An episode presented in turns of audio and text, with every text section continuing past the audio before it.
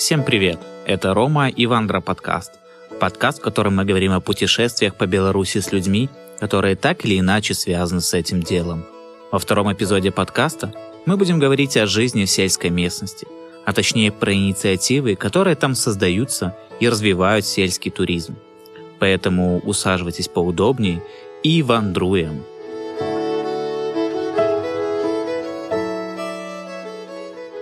Наиболее актуальное слово в этой теме – это ревитализация, придание новой жизни чему-либо, процесс оживления. Если же мы говорим об оживлении, то, соответственно, что-то погибает и есть кто-то, кто возрождает. В нашем случае умирают, а точнее вымирают, деревни, а возрождают их инициативы. Вымирают ли на самом деле деревни? Все ли вымирают? А если не все, то какие? С учетом того, что развиваются технологии, появляется больше возможностей, то процессы урбанизации неизбежны. Люди стремятся туда, где все более развито и больше доступа к благам. А если наложить на это демографический кризис, который у нас с 93 -го года, то находится ответ на первый вопрос. Даже не спасает то, что последние годы наблюдается положительная миграционная сальдо, то есть к нам приезжает больше, чем уезжает. Собственно, едут-то не в деревни, поэтому все очевидно, население в сельской местности сокращается. Учитывая, что потребность в технологиях и благах больше у молодого поколения, то вырисовывается и второй вывод. Население в сельской местности стареет. Однако все это общие тенденции. На практике же все слишком неравномерно. Одни деревни держат планку по развитию и численности населения, а другие попадают под политику сноса ветких строений. К первым относятся пригородные деревни и крупные сельхозцентры, например, Альшаны в Столинском районе или Остромечево в Брестском районе.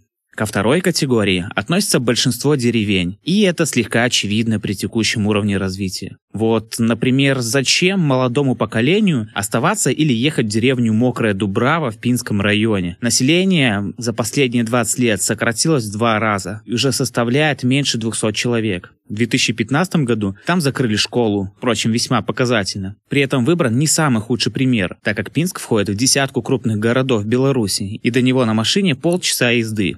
Итого формируем гипотезу, что большему вымиранию подвержены деревни, которые, первое, более удалены от областных центров, второе, находятся в малонаселенных районах, и третье, не пересечены железной дорогой или крупной трассой. А что делается, чтобы не допустить этого? Со стороны государства тут работают два закона. Один по формированию агрогородков. Вопрос крайне специфический.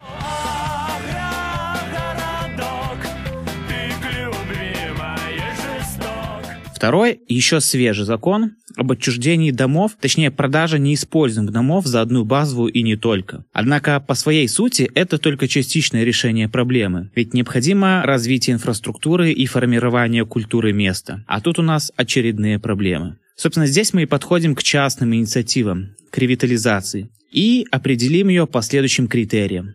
Первое – это создание инициативы самого проекта. Второе, то что инициатива нацелена на сохранение культуры и тем самым формирование туристического имиджа места, особенно касаясь его истории и тутейших. Третье, создаются объекты инфраструктуры – этнографического, экологического, экспедиционного или научно-познавательного туризма. То есть налепить однотипных домиков в агрогородке – не, это не ренессанс. Ровно как и сделать агроусадьбу с баней, со всем уважением к бизнесу. А какие у нас проекты сейчас реализуются?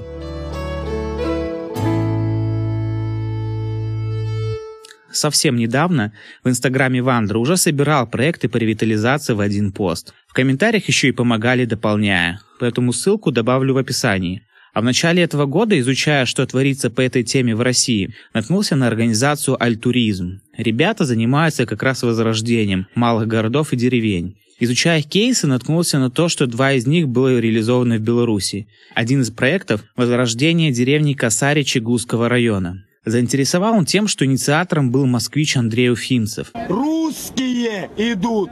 А еще за счет интересной концепции Village Space 20. Своего рода краудфандинг при восстановлении деревни. Мимо такого кейса сложно было пройти мимо, поэтому мы уже звоним Андрею, а он рассказывает, почему Косаричи и зачем. Ссылки на проект Альтуризм и на сайт с соцсетями Косарич будут тоже в описании. Да, привет, Роман. Я живу в Москве, ну, практически каждый месяц бываю в родной деревне. Это деревня Косаричи.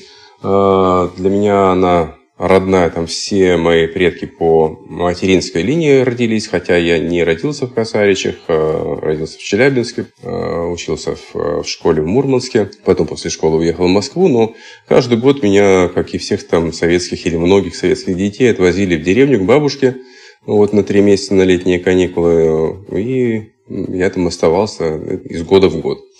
Вот. И дальше уже после окончания школы, там, учебы. Я каждый год приезжал по возможности в деревню. Вот поэтому для меня эта деревня не чужая, у меня не было задачи какой-то придумать проект и реализовать его где бы то ни было. Я шел от другого, я шел от того, что вот моя деревня в таком состоянии, все эти разговоры, э, так скажем, между деревенскими жителями, они, ну, к сожалению, просто разговоры. То есть мы ну, тоже об этом говорили. Вот какая деревня была раньше хорошая, и колхоз, и то, и все, а сейчас работы нет. Когда говоришь, давайте что-то делать, то обычно все сдуваются. Вот, то есть на это ушло много времени, честно говоря.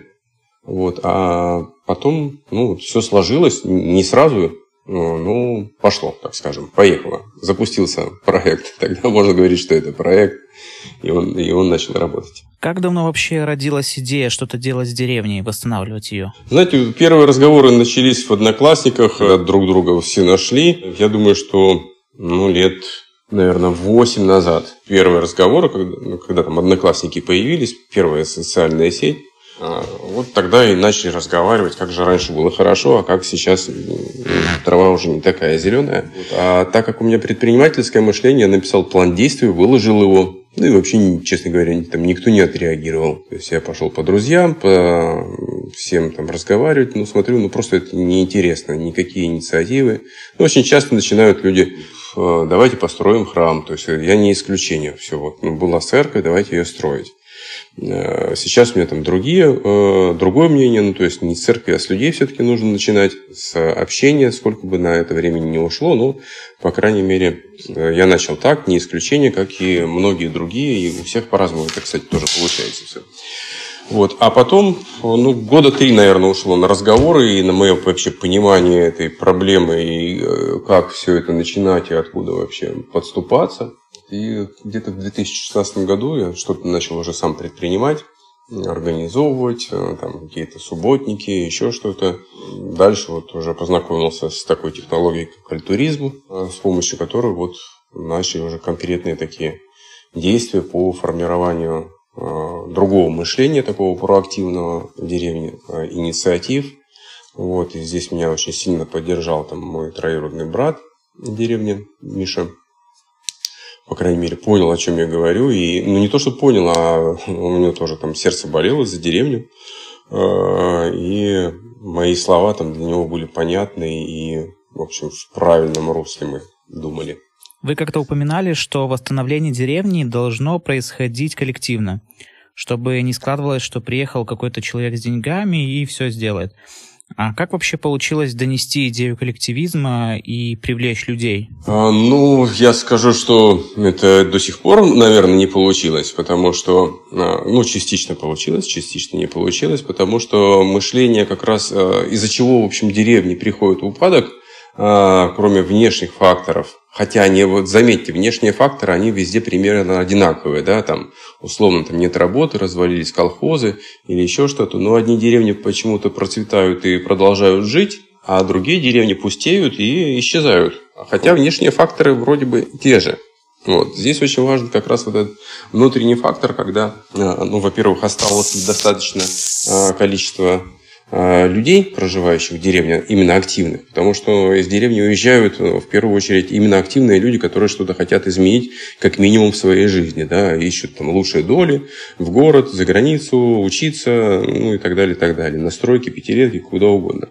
Лишь бы что-то изменить. И вот такие активные, пассионарные, как говорил Гумилев, они уезжают и остаются безинициативные. А безинициативные люди как раз ждут, что кто-то им должен все сделать. Власть, дядя Вася, священник, э, богатый бизнесмен, инвестор, как любят говорить у нас в Беларуси. Вот. И когда такой человек появляется активный и начинает там, спасать деревню, и еще, не дай бог, там, участвовать ну, сильно своими деньгами, то это только подтверждает такие иждивенческие настроения и мнения э, местного жителя, который остался. Он говорит, а, ну вот все так и работает, как и должно быть, вот я-то ни при чем, вот приехал, гроши е, у него хай тратить, и так и надо, да, а что он еще дорогу не построил, а это он еще не сделал. Поэтому начинать правильно это вот, тратить время на формирование сообщества, на формирование ну, коллектива. Вот, и я нашел такую технологию альтуризм э, в России, привлек ребят, девчат, э, сделали несколько вот проектов в Косаричах по установке скамеек. Э, и таким образом ну, расшевелили местных жителей. А, я смотрю, что уже ну, какие-то инициативы а, реализуются без моего участия, я даже не в курсе. Я этого и добивался, чтобы не циклились а, люди на одном человеке, там, на мне или на ком-то либо, на ком-либо другом, потому что это такая конструкция неустойчивая. Принцип коллективизма еще формируется искусственно. Я про вашу концепцию Village Space 20 по восстановлению сельского соседского дома – Интересно вот узнать, как вообще пришли к этой концепции и откуда такой подход взят. А, вы знаете, это, я не придумал его. Система работает в Ивано-Франковске, ресторан. А, и в Москве э, это не сработала, к сожалению, конструкция. Вот. Но сама идея, да, она именно такова, что инвесторы, да, акционеры, они не получают какую-то материальную выгоду, то есть это одно из условий, а материальная выгода идет на улучшение, ну, допустим, там, городской инфраструктуры. И также и здесь э, идея была именно в том, чтобы получать какие-то социальные бенефиты. Для всех они разные. Для кого-то, допустим, участие вот э, Village Space 20, сейчас будем менять название, скорее всего, это просто будет Макар-центр, как он сейчас называется, в честь моего прадедушки и в честь Мишиного прадедушки как раз, где идея объединения ну, таких социальных инвесторов раз, ну, а второе – это предпринимателей, которые хотят заработать на этом, и мы это приветствуем, и здорово. А, если вокруг вот, а, центра социального а будут еще какие-то предпринимательские инициативы, какие-то мелкие или там средние какие-то бизнесы возникать, которые еще будут усиливать друг друга. Ну, например, там кто-то открывает здесь кафе, кто-то занимается сплавами, кто-то размещает туристов, покупает дома, и все, допустим, э, все э, эти люди друг другу дают э, клиентов, да, получается. Ну, а социальные какие-то мероприятия, они для местных жителей проходят бесплатно совершенно. Ну, в общем, сейчас оно так, так, так и есть. А почему вообще 22? И как определялась сумма взноса? Ну, смотрите, мы сейчас понизили, кстати, сумму взноса. У нас первая идея была это сделать э, сразу реконструкцию Здание было в таком плачевном состоянии, все доски, там, полы растащили, перекрытия уже там почти прогнили. Оставались только стены и э, крыша. Вот. И я подумал, что нужно сделать реконструкцию. Мы провели конкурс э, архитектурный. К сожалению, участвовала в основном российские московские компании. Два архитектора было белорусских, но они на конкурс заявились, но не подали, к сожалению. Подчеркиваю, выиграло Московское архитектурное бюро, посчитали бюджет, он получился в 200 тысяч долларов. Это реконструкция здания с надстройкой, с оборудованием, так скажем, мансардного пространства, то есть второго этажа.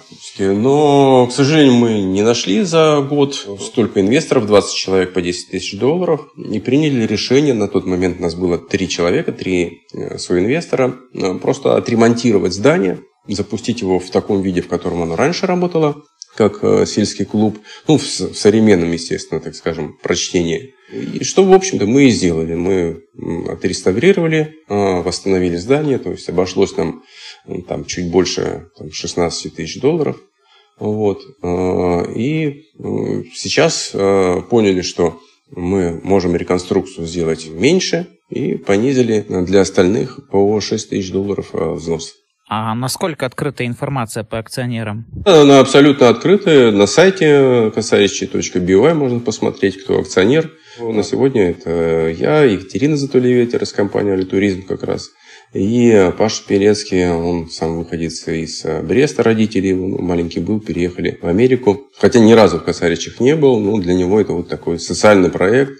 Никак не доехать, то там пандемия началась, потом вот эти все события. У него американское гражданство. Я надеюсь, что когда-нибудь доберется. Не знаете, почему его заинтересовал такой проект, будучи вообще в другом полушарии? Честно, вот я у него спрашивал, но он сам не может так, мне кажется, толком ответить.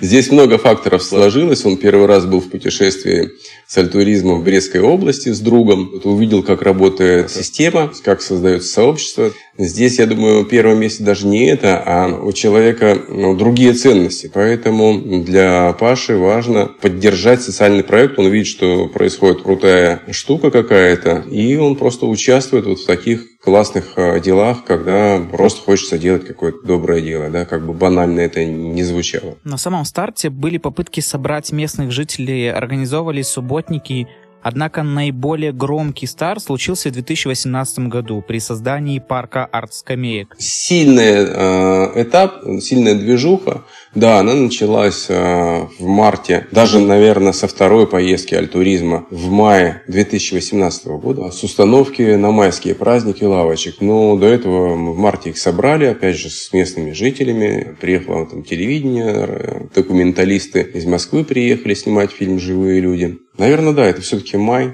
То есть первая встреча с альтуризмом в марте по скамейкам была в том же году, и это можно назвать стартом проекта. Ну, первая встреча была, ну, альтуризм приехал в марте, мы думали, что будем ставить скамейки, я обещал, что в марте не бывает уже в деревне никакого снега, приехали, там были сугробы по пояс, такая была снежная зима неожиданно на 8 марта, и мы собирали у меня там во дворе те скамейки, которые возможно было собрать, но до этого провели краудфандинговую кампанию, где тоже э, люди участвовали в разной степени, в том числе и выходцы из деревни, и ну, достаточно много э, людей, которые уехали из деревни давно, и сейчас там кто-то живет в Италии, кто-то там в Чехии, кто-то в России. Вот они участвовали в краудфандинговой кампании очень, конечно, активно на планете Румы. А до этого была работа с год или полтора даже с британской школой дизайна, где студенты эти скамейки разрабатывали. До этого мы с Мишей обсуждали, как эти скамейки ставить, какие, что провести. До этого было голосование в деревне. После того, как студенты нарисовали проект скамеек, то есть деревня выбирала и все соцсетях голосование было и в деревне. В деревне мы два голоса считали за человека, а там в соцсетях за один. А до этого было несколько а, субботников, сейчас я их называю косаричниками, вот, чтобы такой негативной коннотации с советскими субботниками не было. До этого еще было пара собраний, на которых никто не пришел, но это тоже важный этап. Сложно сказать, что где там начало, очень надо какую-то точку договориться, вот начало было тогда. А собирались ли в самом начале с местными жителями, с активом деревни? То есть презентовать вот, мол, мы такие-то, и планы у нас вот такие? А, я начал с того, что искал технологии развития а, деревень, то есть как быть, вот когда все там умирает, и там деревня там сейчас умрет.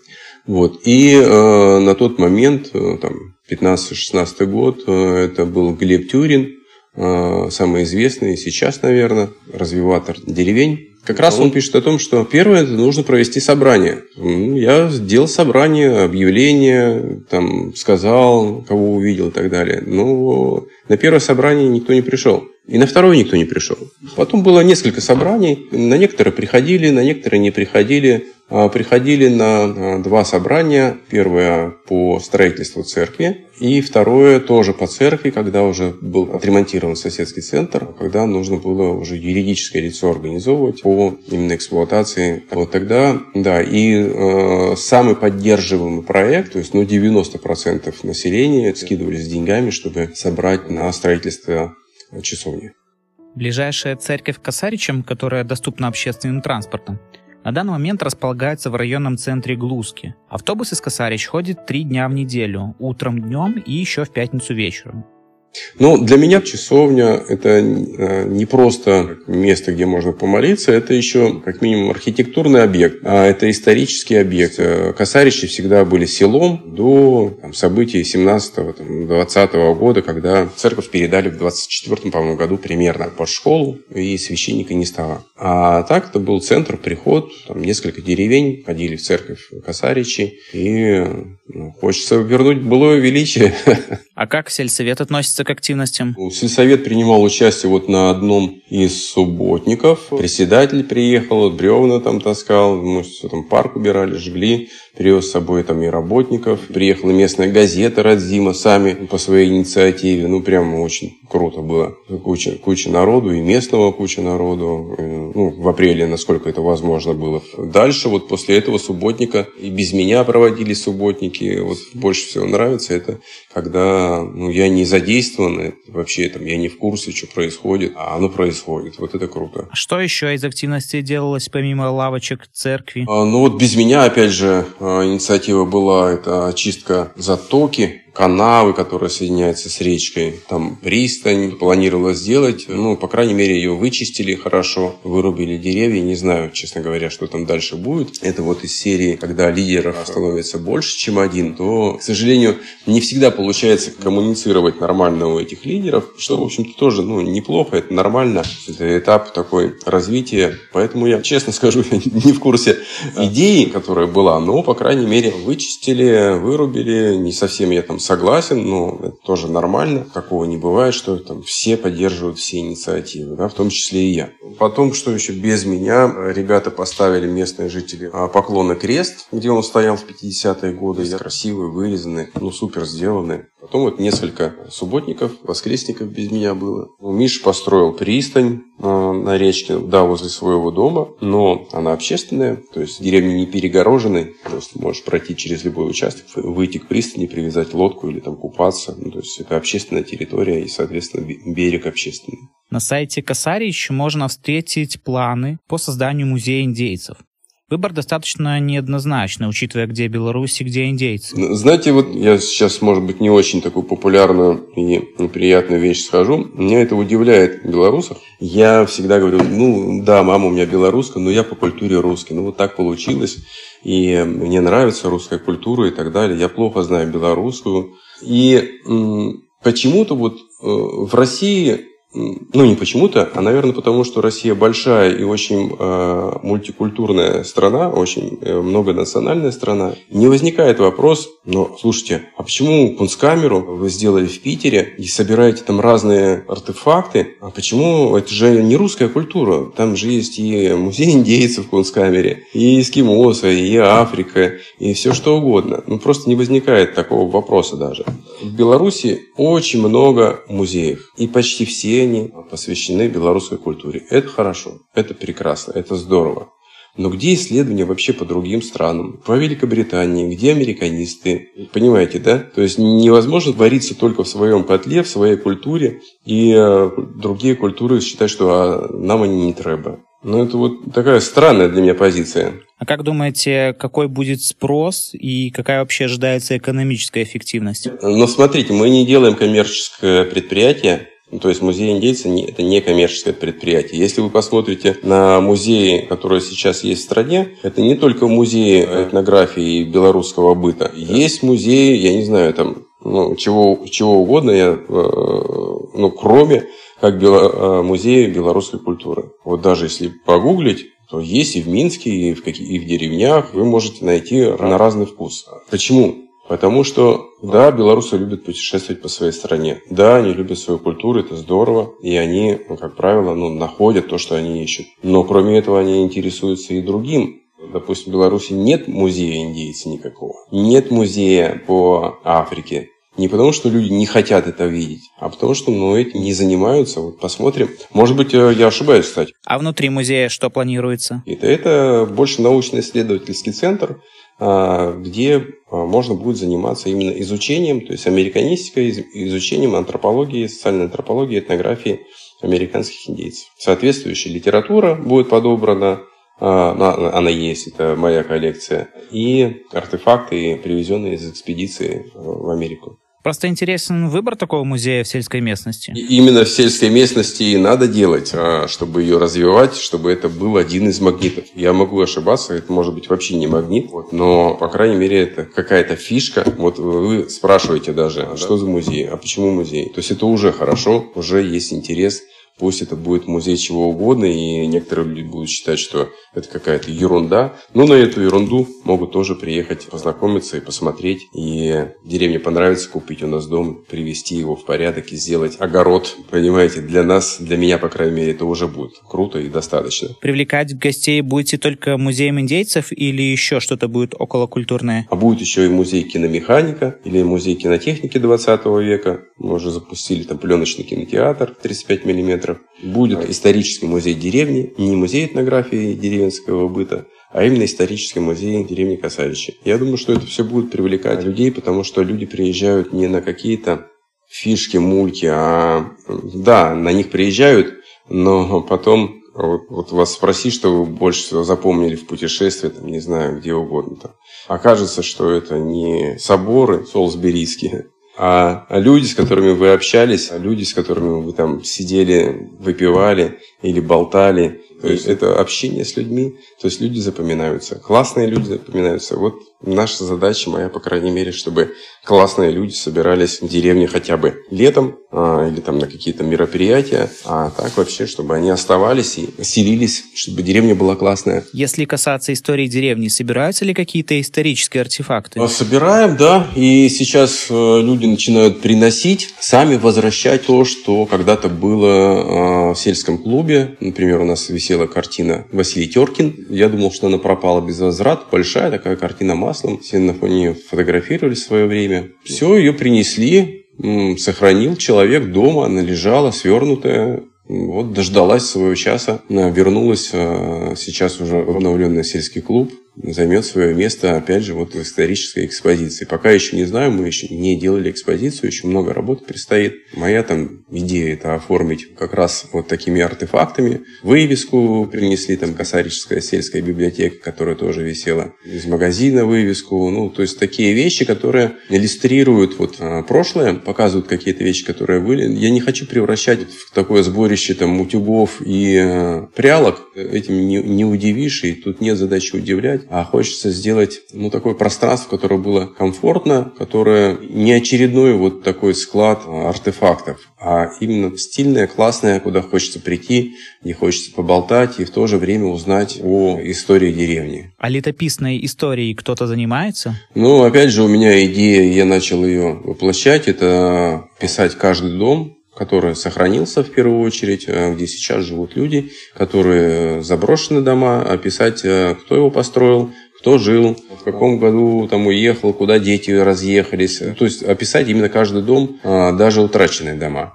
Не знаю, это видео будет, какие-то сюжеты где-то будут храниться в облаке или это будет в соседском центре, можно будет выбрать на мониторе и включить про каждый дом послушать. Или там на каждый дом QR-код налепить. Вот, но пока я собираю архив по каждому дому, по каждой семье, по людям, которые жили, какие-то интересные истории. А как вам вообще такая идея пришла? Идея такая пришла, когда я зашел в один из э, домов, заброшенных, увидел э, на полу валяющиеся фотографии, ну, собрал их, конечно, отмыл, вот, стал искать тех, кто изображен на фотографии, то есть потомков, и понял, что ну, по этим фотографиям прямо у меня выстраивается история вот владельцы дома, вот их дети, вот этот уехал там на Украину, брат к нему приехал, видно, ну, то есть служить, к нему приехал брат, они там остались, эти дети уехали туда, это просто вот даже по фотографиям видно. И, к сожалению, пока никто фотографии не забрал, они тоже лежат в архиве, будут храниться в соседском центре, пока их а, не заберут те, кто на них изображен. Интересный факт, что предки Максима Багновича родом из Косарич.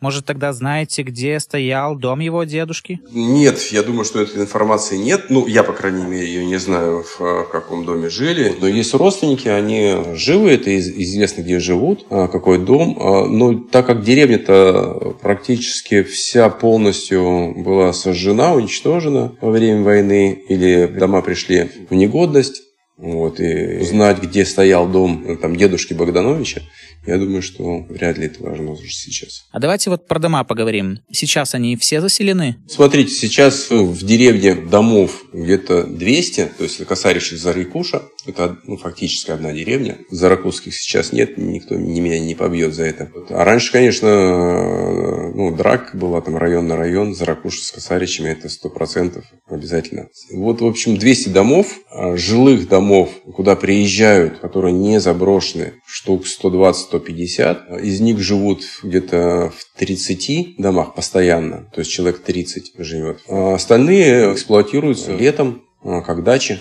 С пустующими домами Андрей тоже работает. Пытаюсь э, их вернуть к жизни, то есть чтобы наследники оформили или сельсовет оформил на себя. Готов был даже проспонсировать, чтобы на себя оформили сельсовет, но пока это не получилось. Пытаюсь с наследниками работать, чтобы они на себя оформили и помочь им оформить, потому что спрос есть. Люди приезжают, говорят, о, классно, классно, Андрей, а что купить? Я говорю, а ничего. А нет у нас ни одного дома, к сожалению, на продажу. Вот сейчас есть там пару домов, один я сейчас там оформляю, помогаю, наследнику. И один у нас купили ребята из Москвы, но вынуждены сейчас продать. Вот все, больше нет домов. Если говорить о планах, то долгосрочные части прописаны на сайте.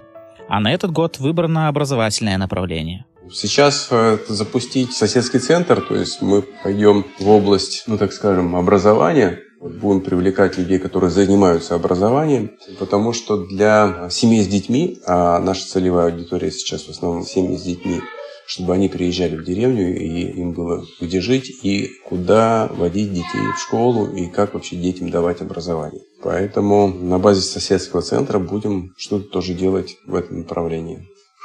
Ну, есть планы именно летом сделать несколько таких детских лагерей образовательных с теми, кто это умеет делать, и запустить вот несколько таких программ. А дальше будем смотреть уже на следующий, на 23 год, как дальше двигаться в этом направлении. И подойдем к финальному вопросу.